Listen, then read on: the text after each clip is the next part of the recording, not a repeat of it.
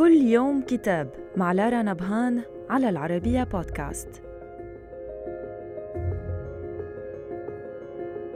نتناول اليوم كتاب فلسفات السينما الجديدة لروبرت سينربرينك ومن ترجمة نيفين حلمي يعالج هذا الكتاب مجموعة من الأسئلة منها ما التجربة التي نطلق عليها سينما؟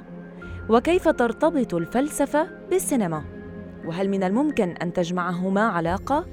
وهل تستطيع الأفلام ممارسة الفلسفة؟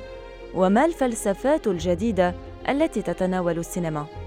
ويستكشف الكتاب الموجة الجديدة من نظرية السينما الفلسفية وتجديد إشكاليات نظريات الفيلم وكيف نفهم الأفلام ونفسرها وقضية أنطولوجيا الفيلم وكون السينما فناً مع التركيز على ثلاثة تيارات النقلة المعرفية التحليلية في نظرية السينما والتيار البديل ورواده وفكرة السينما بوصفها فلسفة مع تقديم نماذج فعلية من خلال أفلام ثلاثة مخرجين هم ديفيد لينش ولارس فون ترير وتيرنس مالك.